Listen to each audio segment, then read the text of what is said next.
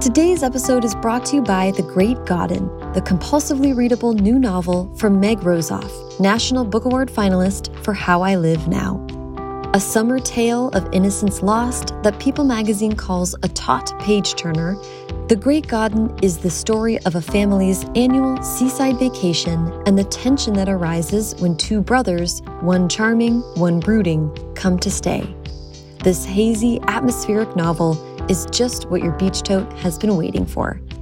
The Great Godden is out now from Candlewick Press, available wherever books are sold.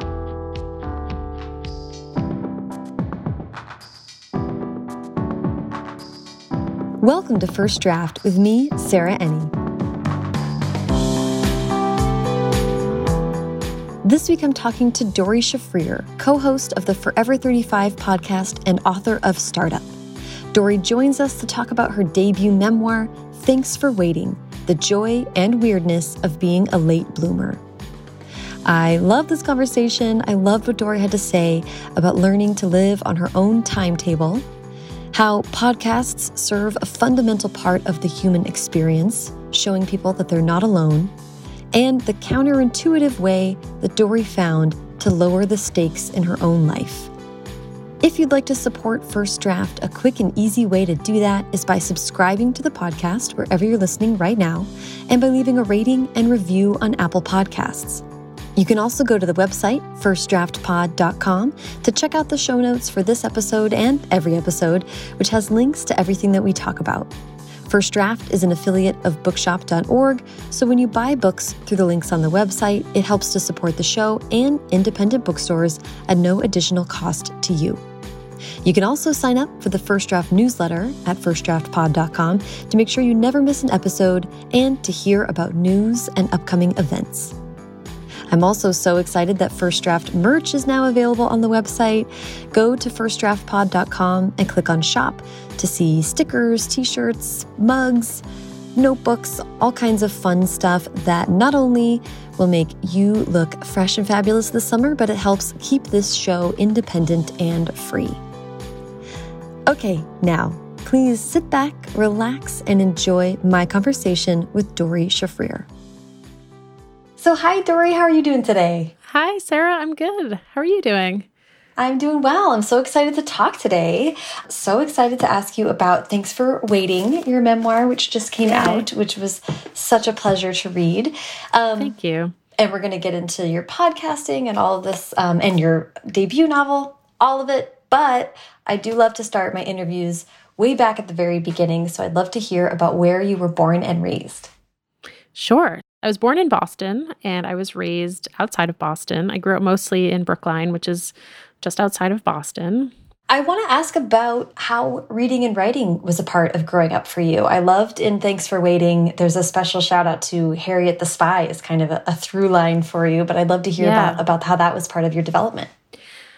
Yeah. So reading was just always something that was around. I mean, my parents read to me from the time I was born essentially and I was able to read at a really young age. Like I don't remember learning to read. I just I don't remember not being able to read and mm-hmm. books were always just such a huge part of my childhood. I kept books on my bed because I just liked to read them so much and I would read books multiple times and just always loved books when I was in kindergarten, this is an anecdote that I share in the book, because I could already read, my teacher arranged for me to have like special sessions with the school librarian.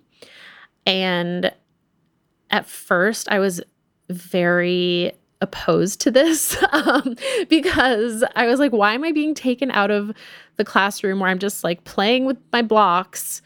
And I didn't like the feeling of being singled out you know, I just kind of wanted to just be sort of inconspicuous and just be another kindergartner. And instead, mm-hmm. you know, I was mm-hmm. kind of marched to the library, literally kicking and screaming. And then when I got there, the librarian was just this like very kindly, you know, older woman who had come with like some suggestions for me to read. And she was just so nice. And I almost immediately sort of melted. That began like a really nice relationship that I had with our school librarian, my elementary school librarian, for a few years. And writing too, I mean, I remember in like first grade, we started writing like books in school. Once I started reading the Little House on the Prairie books, which I think was around first grade, I started writing these like pioneer stories, um, mm-hmm. very mm-hmm. similar to Little House on the Prairie. Um, a few years later, my parents got me a typewriter because, you know, I grew up in the, I was a kid in the 80s. So I would write on that in my room a lot. And so that was kind of my childhood. It was always something that was like very encouraged. My parents had a lot of books. Yeah, I mean, it's interesting to me. You do you share in the book kind of the love for Harriet the Spy and like and writing mm -hmm. like in your journal to yourself a little bit kind of the eh, what what you know came to mind for me was like nonfiction observations right? Talking about yes. the world around you in that way. So i'm interested in whether creative writing was a part of your life then or if it was always nonfiction for a while because i know you went, grew up to become a journalist. Yeah i mean at you know when i was a kid it was kind of a mix of both but i think it definitely started leaning toward more towards the nonfiction. Like I kept a diary starting when I was like seven influenced by Harriet the Spy. Like you said, you know, everything was very observational. At one of the summer camps, I, I went to a day, like an arts day camp, and they had a newspaper. And that was one of the mm. classes that I took. And I would, you know, I helped write the newspaper every day. And that was that was just always something that I did. But, you know, at the same time, I was actually recently going through some old files and papers, and I have all this stuff from when I was a kid. And there's a lot of short stories in there. Now, a lot of them are very similar to like things that were going on in my life, but they were. Uh -huh. They were made up. And and there were also ones that had nothing to do with my life. Like there was one where about a kid detective agency. um, mm-hmm, you know, there amazing. were just there was a lot of fiction interspersed in there. I'd love for you to lead me to your career in journalism because you did have a pit stop in history, but I'd love to like you were mm-hmm. part of this really fascinating new media moment in New York. So I'd love for you to lead me there. Yeah, I was in a PhD program for history and I left it to work in media in Philadelphia, which is where I was living. And then I left that to go to grad school at Columbia for journalism. And when I graduated from Columbia, I didn't have a job, but I did get an offer for an internship at Slate in the culture department. So I was a culture intern at Slate for the summer. It was a paid internship, which was like very rare at the time. And so it sort of felt like I had a job, even though it wasn't like especially well paid. At least I was getting, you know, some money. And that experience, I think, kind of inserted, started to insert me into a New York media world. Mm-hmm. And there was some stuff that I wrote for Slate that I think like got me noticed a little bit. And then while I was in grad school, I had done an internship at Radar magazine, which mm-hmm.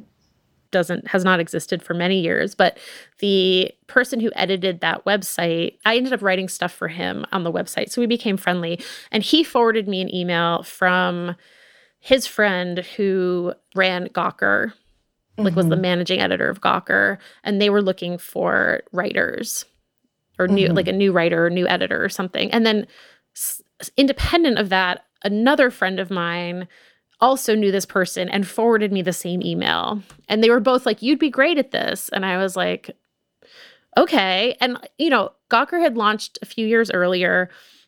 I was still very much like in awe of it. At the time, it was like very cool and mm-hmm, seemed mm-hmm. very, I don't know, like not exclusive exactly, but like they were like the cool kids.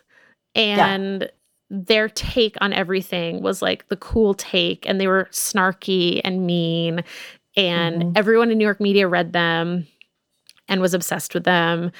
I was like, okay, like I'll apply for this job. And so I did. And then I had to do some like, te- you know, some sample posts.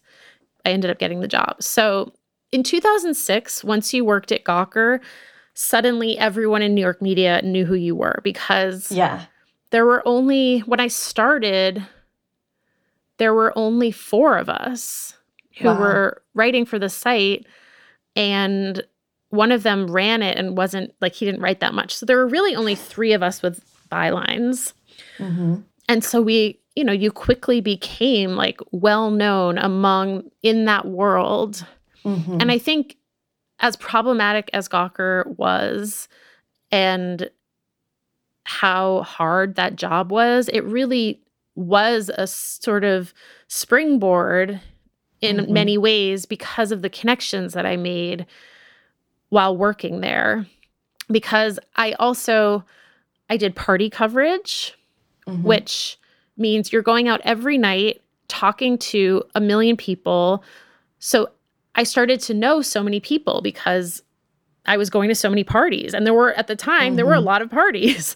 and, and, you know, so I was doing that and then I was also doing like I was specifically covering media for Gawker. So you know, getting to know so many people in the industry from the most important people to the assistants. And that also, I think, just allowed me a very quick entree into that world. I want to just pause on that really quick because there there was such an interesting um, a little bit in the book about this that I just kind of wanted to ask you to follow up on in talking about Gawker at that time. And again, I don't know how. I hope I hope listeners are familiar with it. It was kind of a groundbreaking website, and it was very, um, as you say, very well known and really um, influential. But and like you said, it had a really snarky tone, and everything mm -hmm. was. I just think that that you were you were sort of on the forefront of sort of getting exhausted by the tone of the internet, right? The hot take life of yes. being online. I just would like to hear. I think we're all kind of dealing with that, so I just would like to hear you talk about what what writing like that consistently did to you and how you came to understand what you were feeling and like and whether because now your job is a lot of fighting against that pretty explicitly and yeah. really being open to nuance and context and that's like the opposite of what that vibe was yeah totally you know i think at i think Gawker, in a lot of ways, like played to some of my worst instincts. Like, Gawker was so much about kind of the in crowd and the out crowd. And for someone who had always like desperately wanted to be part of the in crowd, I was suddenly part of that crowd. Like, mm-hmm. we were the ones who were telling people like what to think about everything that was very intoxicating for a while. But we were also supposed to be very critical of like pretty much everything. um, mm-hmm. And so mm-hmm. that posture started wearing me down pretty quickly. I think at the time it, I would have described myself as a cynical person. Mm. But I felt like it really like I, I I felt like I had to be so cynical. Like you could never assume that people had good intentions or mm-hmm. everyone was fair game. And like it just it just started to feel kind of icky. Mm-hmm. So yeah, I just and and the pace was also really grueling. Mm-hmm. Like really grueling. We had quotas, we had post quotas, and you know, starting early in the morning, it was just like grind, grind, grind. And I think one or the other might have been okay. you know, if it had been mm-hmm. a grind, but like not quite so negative, maybe I would have been able to stick it out for longer or if like I'd be able to be negative but not have to be writing like all day every day mm-hmm, in mm-hmm. this way but the combination was like a lot. I want to I know this is we're kind of jumping a little bit but I'd love for you to lead me to the opportunity to move to LA. And I think not too long after that your um, dipping a toe into creative writing with your with startup and just kind of giving that a shot. Do you mind kind of leading me there? Yeah. So when I started working on startup, I was I was working at BuzzFeed in a management position. I was editing, but mostly managing teams and not doing very much writing at all. I started realizing like I was feeling very creatively unfulfilled. Mm-hmm. And I was like, you know what? I just need like I need a project that is just mine. It's just for me. And so I started waking up early every day before work and writing. Basically free writing, but I was like I don't want this to be a journal. Like I I'm going to just make something up and see kind of where it mm-hmm. goes. I just kept going. I kept going. I did it for the month. I was like, I'm going to do this for the month of January and just like see what happens. Write every day, see what happens. And at the end of January, I had like 40 pages of what were basically character sketches, but you could see kind of the seeds of a story beginning to form. And I sent them to my agent, my literary agent, and I was like, can you just read these and tell me if there's anything here that, you know, you think is worth continuing on? And she read them and was like, yeah, like you should keep going. And I was like, okay, all right, I'll keep going. um, yeah, I mean, it had started as something that was really just trying to get me out of a kind of a rut, like a work mm-hmm. rut. And then it turned into a whole book. Yeah, it's amazing. I do because and and one thing that is I think is just so admirable about how you even started writing the novel is that as you say you were at this time I mean a very sort of a job that people would be uh, how do I want to say like you say in the book a lot like it seems like people's dream jobs the being running the kind of the culture side at BuzzFeed and being a mm-hmm. manager mm -hmm. but you kind of beginning to realize that maybe the quote unquote dream job was not a dream for you or it wasn't serving you and that the inevitable rise of through the ranks as a media reporter sort of gets you to this place where it's like wait a second what why was i on this roller coaster to begin with? Yes. I don't know i'd love to hear you talk about yeah about that.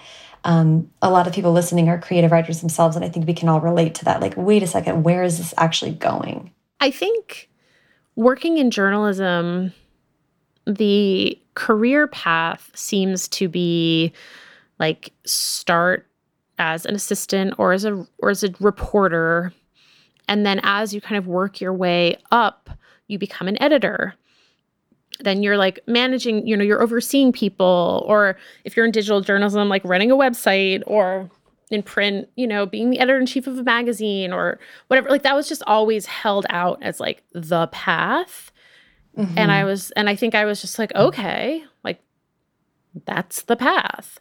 Um, when I was offered this this job at BuzzFeed, I was offered the the job as as executive editor to launch all these like new verticals for BuzzFeed, and it was like this period of really rapid growth for the site.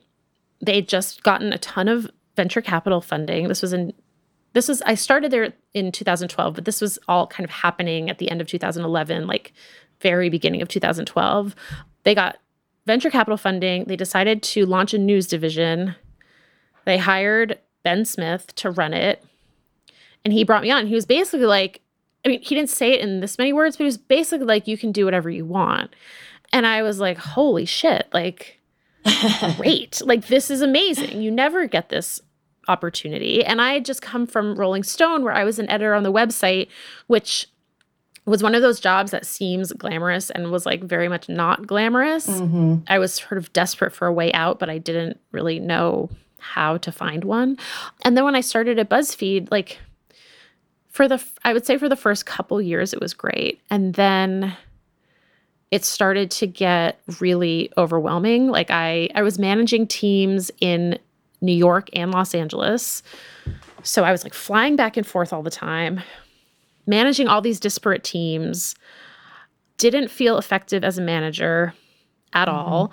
And I was like, this is what it is. Like, th- this is what everyone wants wants from their careers. Right. Like, this kind of sucks. like, mm-hmm. Mm-hmm. so I kind of stuck it out for I don't know, another year or so. And then I gave up most of my management duties and launched an ideas section at BuzzFeed, which was a little bit more gratifying. Like I was working more directly with writers and I was only directly mm-hmm. actually I was still managing a bunch of people, but like I was at least getting to edit and assign mm-hmm. pieces myself. And I was mm-hmm. like, oh, mm-hmm. this like I really like doing this. I really like editing. I really like coming mm-hmm. up with ideas and like finding writers and looking at pitches and editing people's work. Like that I found really gratifying. It was the like does this person need to be on a performance improvement plan stuff? That i was just right. like this is soul sucking. Like this this is awful. I don't want to do this. It's hard to sort of wrap your head around that because i felt like i'd been conditioned to think that you know this was the what is it? The the rung of the ladder that I was supposed to yeah, yeah, exactly that I was supposed to be going like up and up and up and up. And you know that mm-hmm. that the the logical next step after this would be oh I'll you know I'll do like an editor I'll take an editor in chief role somewhere mm-hmm. you know mm-hmm.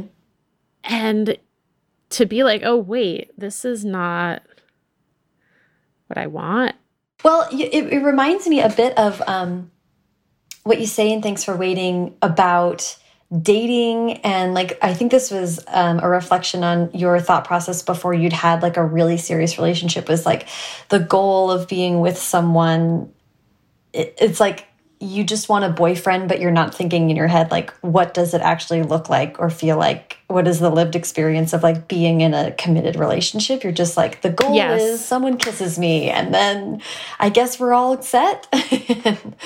Um, and then the kind of having the scales fall from your eyes about like we're told what to in some ways we are um, societally led to believe we want some things but there's not yes. a lot of in, introspection or understanding of what that yes. entails i often have these thoughts of like i mean it's 2021 like i can't believe we're still having these conversations and these thoughts and feel these pressures but like we are and I want to talk about about um, jump back into startup really quick because I want to hear yeah. about how um, how you wrote it with help, how you got your accountability partner. yeah. So I had met my friend Kate Spencer on Tumblr in like 2008 or something back when it was this like small blogging site and it seemed like everyone on there was this sort of like loose collective of bloggers and writers and we all followed each other and mm-hmm. she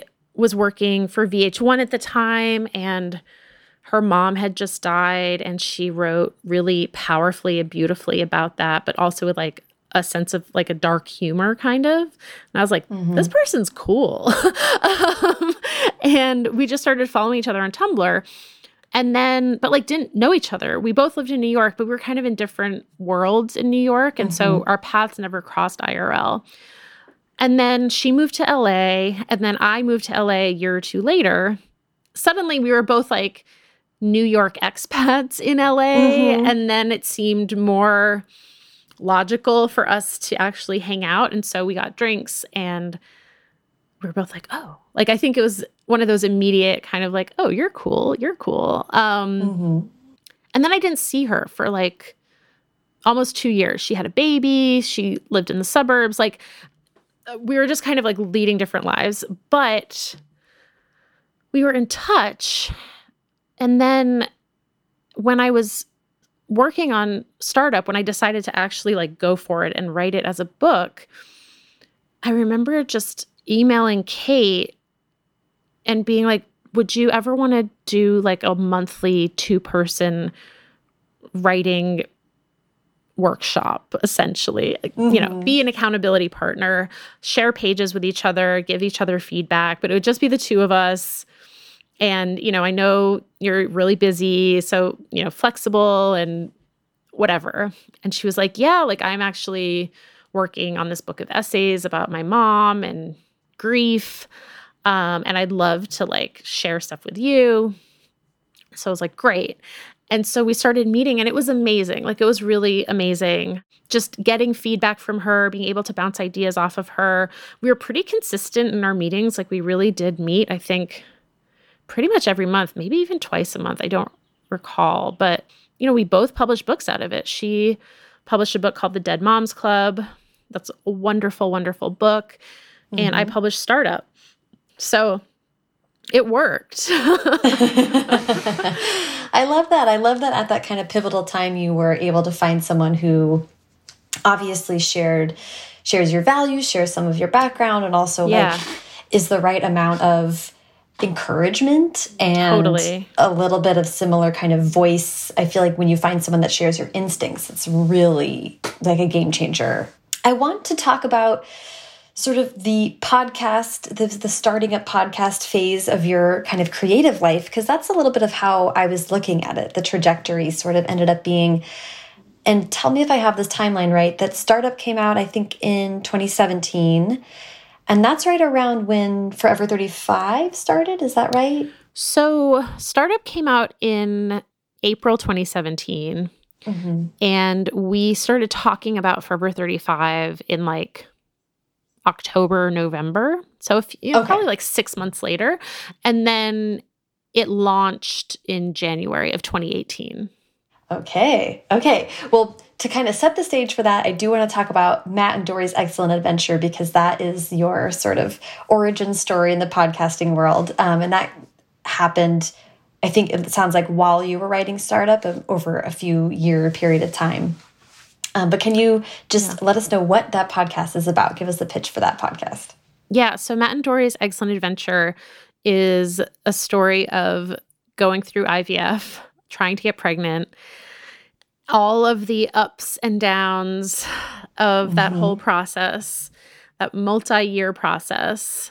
And we started the podcast in 2016 partly because we didn't see anyone else doing there now there are more ivf podcasts um, mm -hmm. but at the mm-hmm. time the only podcasts that touched on ivf were from a more like either a medical perspective or like a kind of like a therapist perspective mm -hmm.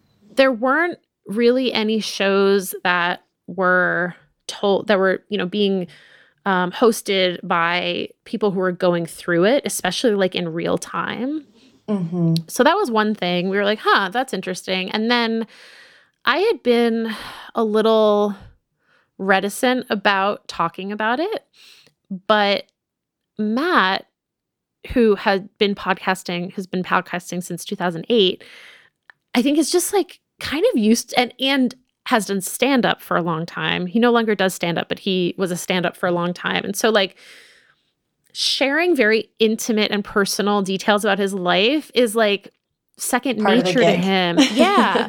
like he just doesn't even think about it. And you know, he asked me if it would be okay for him to talk about it and I said, "Yeah." Um, but he was like talking about it at his poker game and mm. he came home and was like, "Oh, you know, three of the guys at poker, they they all go to our clinic."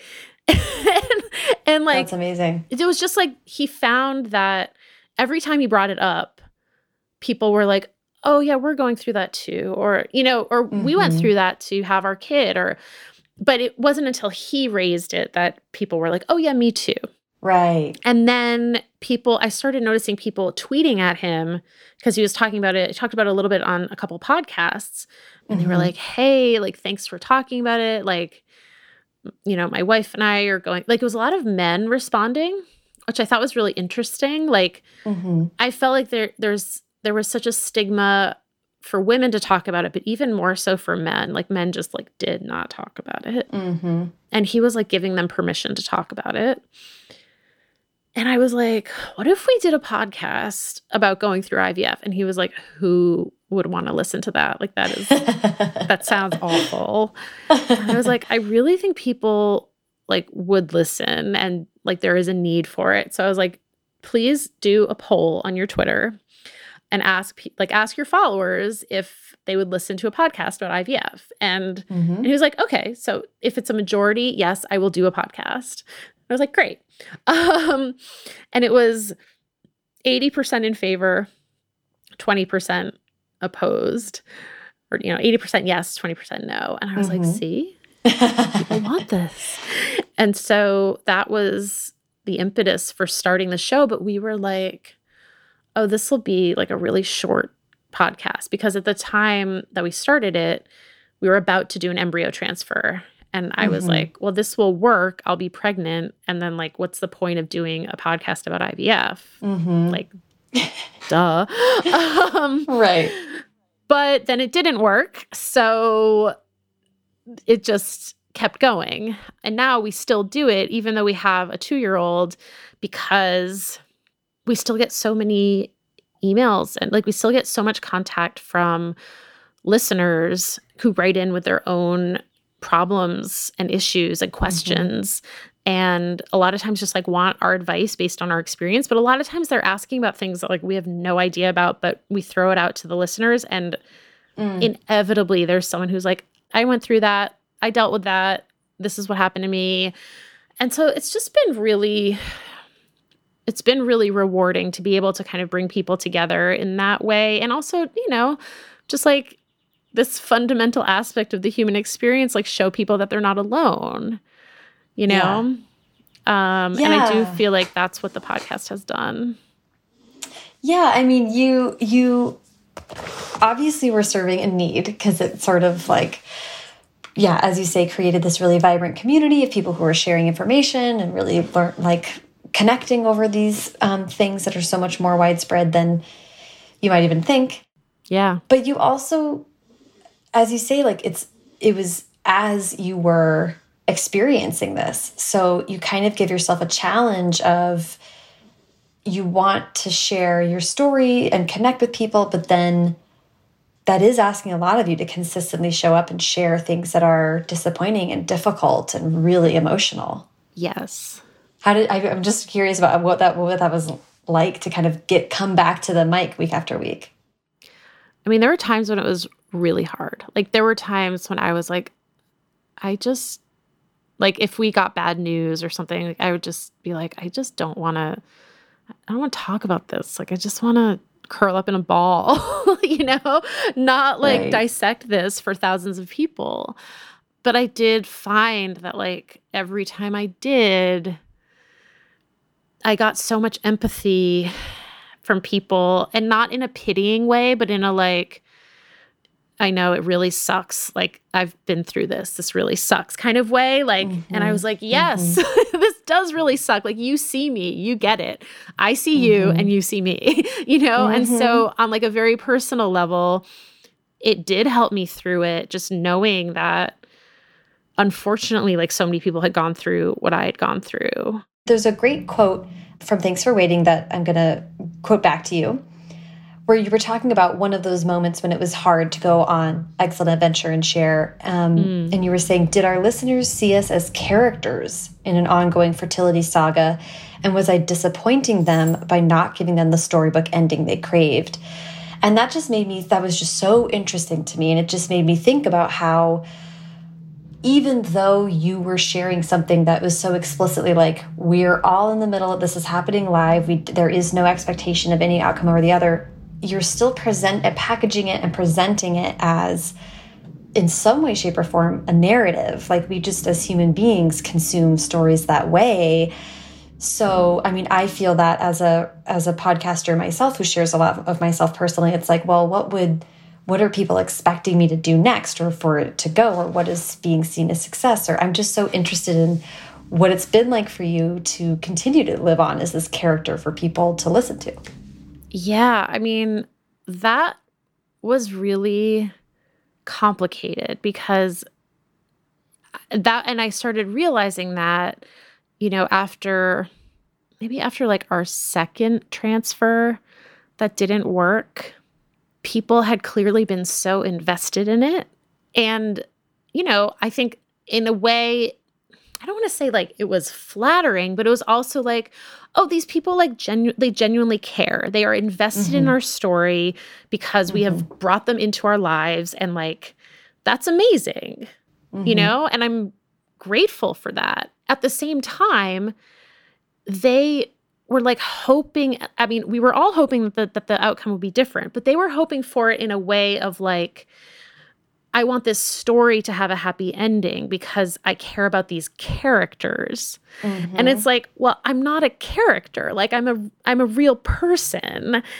And like, this is out of my control. Like, if I were scripting this, sure, the transfer would have worked, you know? Right, right. but like, this is my life. Or, you know, sometimes we would get emails that would be like, I had to stop listening to the podcast. Like, it just, it just got too depressing. And I was like, okay, well, that's your choice. Like, obviously, you know, you are by no means under an obligation to keep listening. But it was just interesting Right. that it was like, your lives got too depressing. Like I, I didn't I didn't want to hear that part of the story. right. Um right. and so simultaneously I started feeling this like weird pressure to like resolve the story hmm hmm and thinking about it in those terms in addition to like actually wanting a child. you know. right. Well, and like this is like bringing to mind all of these different sort of threads that are kind of coming together with this part of your story is like having these moments of sort of subversive thinking about what if life could be different or live life a different way. And that that is a pushback against the narrative. Like you being a late bloomer is kind of flying in the face of the narrative that says you should have done this by this time and you should do this in this way. And that way your life follows this arc that we all understand. Like narrative is such a human endeavor and people like us who tell stories really rely on it and love it. But that is what kind of hangs over us and when real life gets in the way of a quick easy nice narrative it's very distressing and, but if we could all sort of live in that gray area and deal with that discomfort a little bit more easily we'd all be a little bit happier i think I think so. I think so. I think also because we were doing it in real time, sometimes I didn't have that like zooming out that I might have had if we had like recorded everything and then took like six months and packaged it together in this like 10 episode series. You know what I mean? Um, where I could have like Mhm. reflected on it. And so there were these certain like inflection points where I did zoom out and I was like, whoa, like what is happening? And how, Mhm. like, how do I feel? And then to your point about kind of envisioning these other possibilities of our lives, like that was another thing that really helped me because at first it kind of seemed counterintuitive, you know, to if you really want a child, like why would you in why would you like envision or even like plan out this life that Mm. where your child where you where you don't have a child, where you're childless? Mm. hmm and I resisted it for a long time because I was like, I don't even want to think about that. Like that is not that is not the vision of my life that I want. I don't even want to like man like I don't want to manifest it. You know? on accident yeah Get it out of my brain. But then after a while, it had probably been about it had been it was almost it had been about two years that we had been doing infertility treatments and it was starting to feel more and more hopeless. Mm. And I was just like, well, like what would my life look like? What would our life as a couple look like if we never had a child? And as I started like playing out the scenario more and more, I was like, oh, like this would be not only would this be like fine, this would this could be kind of great. Like like we already had a dog by that point. I was like, we could get like four more dogs. And like we could get this like we get like a farmhouse. So I you know, I just had this sort of like elaborate child-free fantasy. hmm And then I was like so much more at peace with it. And it let me take some of the stakes that I had placed on the idea of having a child and just kind of lower them because in my head it had it had been like if i don't have a kid like my life is over Mm-hmm. and like in actuality that is not true and- Mhm. I would have a really great life with someone I loved. And we would figure that out together. Mhm. And, you know, and so uh, letting myself picture that was this like important mental shift. Mm. Um, sorry, I've like completely forgotten the question, but like No, no, no. I love what you're saying because I'm really I'm I'm so relating to that. I think it's really applicable in many, many facets of people's lives, right? That yes. you could because I, I have just been talking about this in therapy a lot about like about many times and stakes is totally the word that keeps coming up over and over again. Like in some instances, because we are sort of all playing out the stuff that got hard, hardwired into us when we were so young, then like being left behind or not being cared for yes. does mean you die. like the stakes yes. are just like either I make these friends or I have social death and I have like you know there's so much that's just like the other side of it is falling off a cliff. And as you say like in therapy they often are like what's the worst case scenario? Talk me through it like visualize it. And it's so like oh yeah. And then yeah. on the other side of things, I'm always jaywalking and I'm like, these are stakes that I'm like totally, I'm like literally risking life and death and I don't even think about it for a second. So it was just such a funny, I'm like, okay, moments to sit and reflect. That's funny. yeah. What's the worst that could happen jaywalking? Well, actual death. Yeah. yeah actual like, uh, death. maybe take that a little bit more seriously and yeah. take the other stuff a little less seriously and find a good balance. Yeah. I, I think that's that. I love that as a, as a kind of a takeaway from your long experience, which then interestingly sort of did end in this happy ending, right? Yeah. Which is like very it's very interesting to have that moment of catharsis and then and we'll come back to it because I, I want to then talk about the we're like doing a, a, Russian nesting doll of like then you write about it in your memoir, which inherently is a narrative. But yes. but before we get to that, I want to touch on Forever 35, and, which is your wonderful podcast with Kate Spencer. Um, uh, and I would just love to hear about how it started, if you don't mind. Yeah, sure. So picture it. It's 2017. if you can take yourself back to that time. Oh God. I know. It was like it was a rough year. Like, mm -hmm. you know, mm-hmm. Donald Trump got inaugurated in January and then I just feel like it was just one thing after another of like wow, like we are not in Kansas anymore. Like this yeah. is fucking real and terrifying. Yeah, yeah talk about um, living in real time and not knowing. like, yes. Yes. Yeah. And I found that I and like many of my friends were kind of like retreating into skincare. Suddenly, all anyone wanted to talk about was like, what serum are you using? Or, you know, what's your favorite shade of red lipstick? Like, I would see women who were like publishing executives, like posting on their Facebook, being like, hey, anyone have some great eye cream, Rex? And, you know, I was just like, oh, like, people just need this like refuge. Everyone is just like mm -hmm. retreating into this world. Mm -hmm.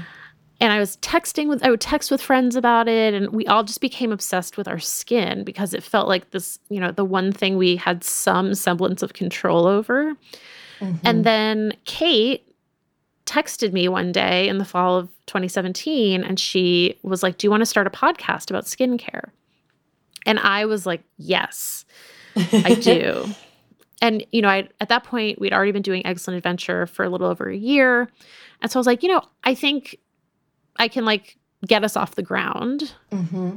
We hired a producer and just kind of like hit the ground running.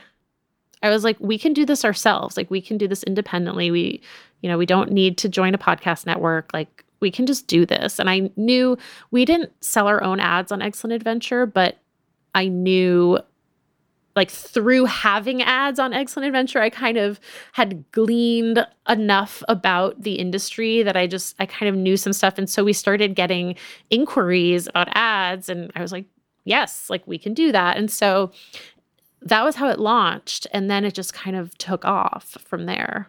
That's amazing. And the, um, you had already had experience with this from Matt and Doree's Excellent Adventure, but you are now like, I mean, ostensibly Forever 35 is about skincare, quote unquote, but really you and Kate share so much about yourselves and you really you really give a lot to your listeners and you give feedback to them and you hear back from them and there's a big community that's formed around Forever 35 so it's it's a, been another way for you to sort of give people an alternative narrative and inter interrogate like what what is expected especially of women after after 35 which is kind of the the point of the yeah. of the title but again you are a character in people's lives and someone who they're following i'm just interested in what what it's been like to sort of as the podcast has like sort of exponentially grown how that's been for you as a as a person staying sane behind the mic. Yeah it's funny. It's like sometimes i forget that like we are talking to thousands of people and some of them have turned us into characters. And I'm like reminded of that because I'm in like the Forever 35 face I'm in a bunch of Forever 35 Facebook groups and I'll periodically like comment or post and sometimes mm -hmm. people will be like, OMG, I can't believe like Doree Shafrir responded to my comment. And I'm like, I'm just a person, you know? like, what are you talking about? But then I'm like, oh, yeah, I do host this podcast. I have, like, this is the community I and Kate and mm -hmm. I have mm-hmm. created. Mm -hmm. So it's like this weird thing where I'm suddenly like reminded, oh, yeah, like these people are all, here because of me. Mm -hmm. Right. Mm-hmm. um, well, and it reminds me of you being in well, it reminds me of you being in that manager position, right? Where it's sort of like that's not always a comfortable fit. Like I find that I'm a less I find that I'm less comfortable with maintaining a community around first draft as I am just creating first draft. So it's it's interesting to me. Yes. Yes, that's a that's a really good point. We've handed off control of the Facebook group to a team of admins and mods. We pay our admins like they are this is a part-time job for them. They mm -hmm. take it mm-hmm. really seriously, which like I really appreciate. That and that was a thing that I was like we can't we can't manage this on a regular basis. Like I think that's one thing that I've come to realize is like when you're running your own thing, you just really have to prioritize and think about like what is like the core of this endeavor? Well, the core of it is the podcast. Like mm -hmm. without the mm-hmm. podcast, none of the rest of it does not exist. So mm -hmm. like is my time best spent moderating the Facebook group or booking guests or you know what I mean or or like recording or mm -hmm. whatever and that's been a that's been an interesting learning process and we had that same thing come up like with selling ads because for the first year I sold all our ads mm -hmm. and like mm-hmm. managed that. And then I was like, this is insane. Like, this is so much work and mm -hmm. it's like kind of fun, but it's also exhausting and just like an administrative headache. And so we decided to join a podcast network, ACAST, and, you know, we have to give them a percentage of our revenue, but like it is so worth it to just not have to mm. deal with all that stuff. And that's been a good kind of learning process for me. There's a lot of navigating. What am I really good at? What can only yeah. I do? And how do I make sure yes. that that's where I'm putting my time? Yeah. I mean, just there's like one more example of that that actually connects to writing, which is in mm -hmm. like within six months of launching the show, we got close to, I think like 10 editors approached us about writing a Forever 35 book. Like it wow. felt like every other day we were getting an editor being like, Have you guys thought about writing a Forever 35 book? Mm -hmm. And we we actually tried to write a proposal. And then we were like, what are we doing? Like, first of all, first of all, the podcast has only been around for like six months. So, like, mm -hmm. for mm-hmm. us to come out with like a book felt very premature. And then we were also like what are like what are we saying? Is this like mm. a self-care handbook? Is this like a memoir? Like like what is this? And third of all like the podcast is our main thing. And like we should be growing the podcast and focusing on the podcast especially in the first year. So mm -hmm. that was another thing where it was like ooh this is so like at first we were like this is so cool. Like people want us to write a book wow and then we were like we kind of pumped the brakes and we're like, this is not what we should be doing right now. So that's so interesting and a really like, I mean, an intriguing process to have to go through and then talk to talk about with a partner as well. You know, it's not just you chugging along. You have to make sure that you're both in in it and in it for in the right way and for the right reasons and at the pace that you can mm -hmm. maintain. And sustainability is a word I've been using a lot lately for all this stuff. And it's really it's a tough balance to find. But yeah. you did you led me perfectly to thanks for waiting. Before I ask specifics about the book I would love for you to actually give us the official pitch for thanks for waiting. Okay Thanks for Waiting is a book about living life on your own timetable and how the things that you thought you wanted might not turn out to happen at the time that you wanted them, and they might not turn out to be the things that you wanted in the end after all. It's about having empathy for your past selves and your present self. It's about navigating a career in a rapidly changing industry it's about moving across the country as a single woman at 35 and kind of starting over. It's about infertility and dealing with infertility and all of the craziness that comes along with that. Gosh, I could go on, but those are and that's not that's longer than an elevator pitch, but those are kind great. of the main the main themes. Yeah, I mean it's a memoir, so it's it's about your life and experience. But I do want to ask about, I understand that it started as a collection of essays. Yes. Can you talk about so, the origin story of this? Yeah, for sure. I've always written personal essays, like from the time I was a teenager. And it was always a form that I felt really comfortable in. And it was always like, I think in my mind, a book of essays was just like that made sense to me. It was sort of weird, actually, that I'd written a novel because my whole career had been in journalism or creative nonfiction. And I just always assumed that my first real book would be a collection of essays. And then it was a novel. And then, so then after the novel, I was like, okay, I'm ready for my essay collection. and I wrote up a proposal. It sold, which was amazing. And then two months later, I had a baby. And then I didn't work on it for like seven months.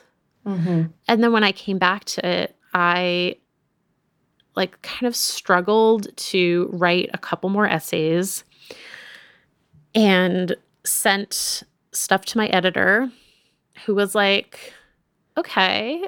Like it wasn't, and it wasn't complete. I was like, this is not complete, but like let me know mm-hmm. what you think. And she had a lot of thoughts.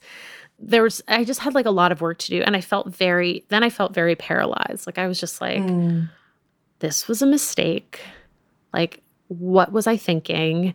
This is so hard. How does anyone write essay collections that aren't just like collections of things they've already published? You know right, what I mean? Like right. I was like, what what was I thinking? This this was so dumb. I was having so many regrets and I was like, can I rip up my like can I give back my advance and like rip up my contract? Mm. Like I was really like I don't think I can do this. So finally as a kind of like hail mary I reached out to a woman named Carrie Frye. She's like an independent editor, book editor, who mm-hmm. I knew some people who had used her to either develop book proposals or they worked with her on writing their books or she had edited their books or some, you know, she'd been involved in some way. And I reached out to her and I was like, I have, I'm supposed to turn in this essay collection on, this was in like May or June of 2020. I was like, I'm supposed to turn in this essay collection in September.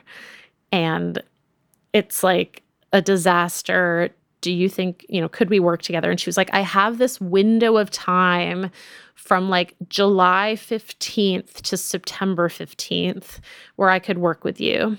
And I was like, okay, great. Um, or actually, no, I think the book was due in June. And she was like, I can work with you from July to September. And I was like, let me see if I can get an extension.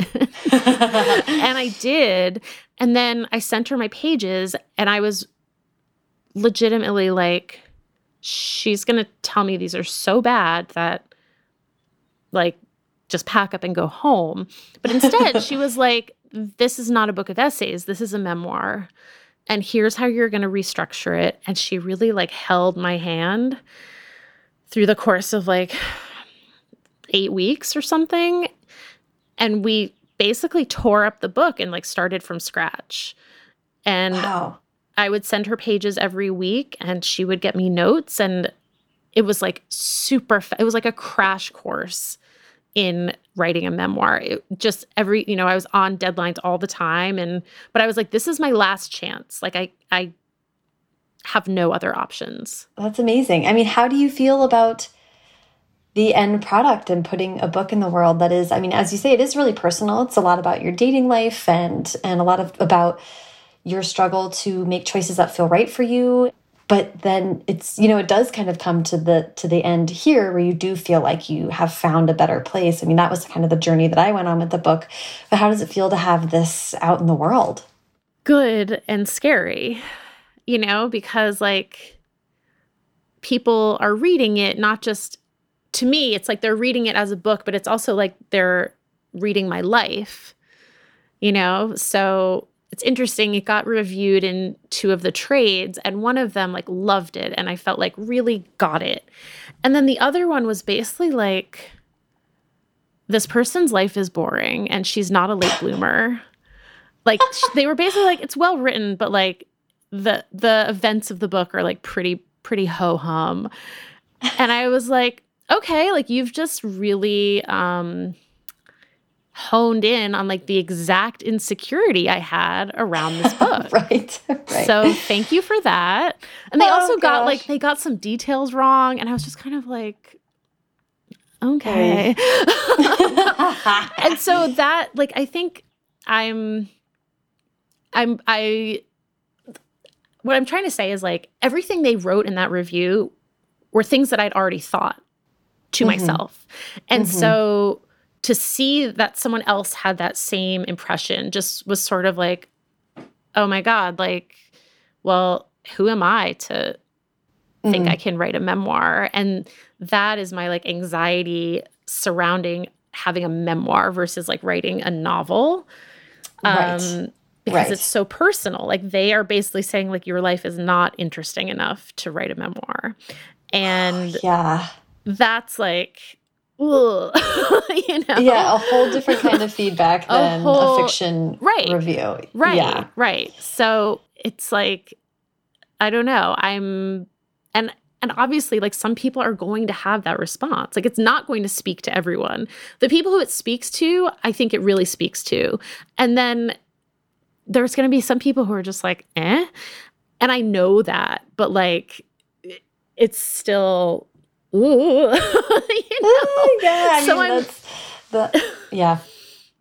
Yeah, I don't know. So to answer your question, I'm really excited. I'm thrilled to have it out in the world. I feel like it is the best version of the book it could have been.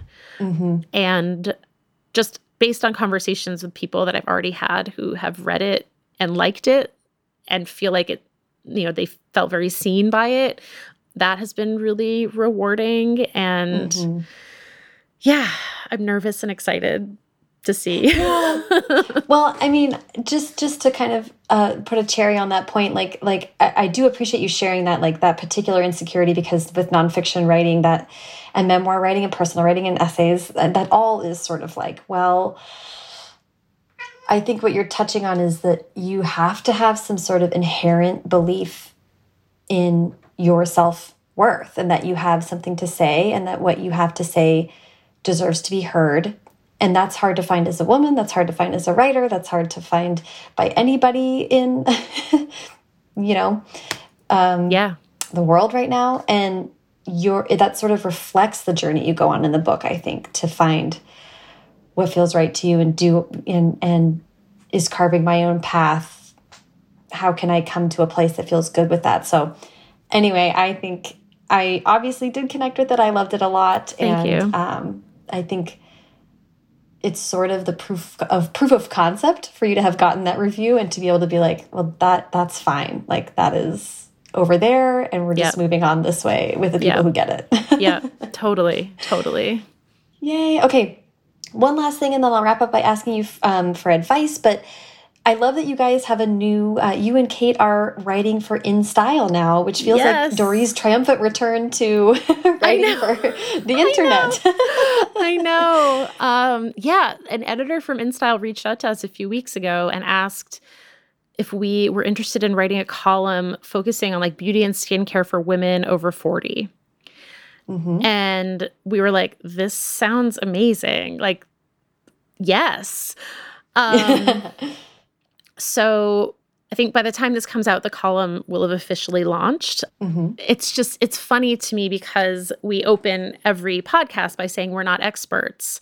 We're two friends who like to talk a lot about serum. So we've like very consciously positioned ourselves as, you know, kind of amateur enthusiasts yeah. uh, in this world. And like, that is sort of still the posture that we have adopted adopted for the column but like mm-hmm. we are more experts than we used to be and so it's right it's in, it's just interesting now for me i think especially to bring it back to the book as someone who always felt like she was a little like catching up or clueless about especially mm. about like beauty and grooming and all of those things to now have a, a column in InStyle you know?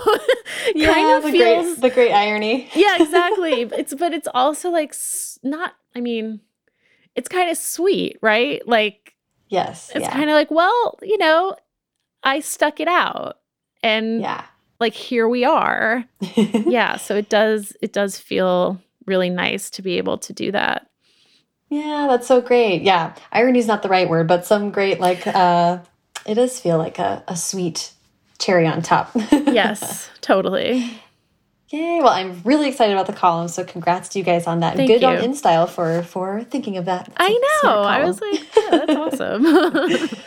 well, this has been such a joy. I do love to wrap up by asking my guests to give advice. So I would really love, and this is kind of a selfish question because I am interested in writing personal essay and nonfiction in the future, but I'd love to hear from you about someone that might be interested in writing nonfiction based on their own life and memoir style. What, where should people get started? What do you think about how people should approach that kind of writing?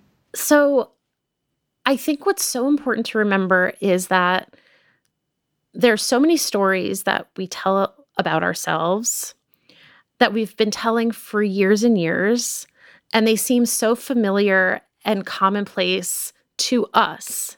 Mm. But other people haven't heard them. you know? Um, mm-hmm. and I think that's like that was something that I had to keep reminding myself. And I'd be like, oh, like everyone's so bored of this. And I was like, well, no, you're bored of this because you lived it and you've right. thought about it for decades. But like everyone else has no idea. um, so that's one thing. Like, I think just, you know, feeling like you do have the right to take up this space and tell this story. So that's one thing. The other thing I would say is like, I think just starting to free write when it comes to memoir is really important. Just like writing any memories mm. that you have, just jotting them down, like not trying to form a cohesive narrative or story mm-hmm. at this mm-hmm. point. Like just, you know, oh, the time we went to grandma's and it just like any story that you have it might not end up in the book, but like you'll you might start to see patterns, you'll make connections. And so I think just like having all of that stuff in a notebook is really important. I mean, I would think of stuff so randomly and just like jot it down on any piece of paper that I had handy. And like sometimes, you know, stuff would come to me in the middle of the night, like even when I was like almost done with the book, I'd be like, oh my God, I can't believe I didn't talk about that thing and just like mm-hmm. scribble it down. And there's like so much stuff like that that's like in our brains. Um, so you just have to kind of like dislodge it. And then the third thing I would say is as I mentioned before, like having Carrie to be like, that's interesting. Like, I do think mm-hmm. it's helpful to have another person who you can kind of like bounce things off of, whether it's at a point where you're just like developing your ideas or, you know, reading or whatever.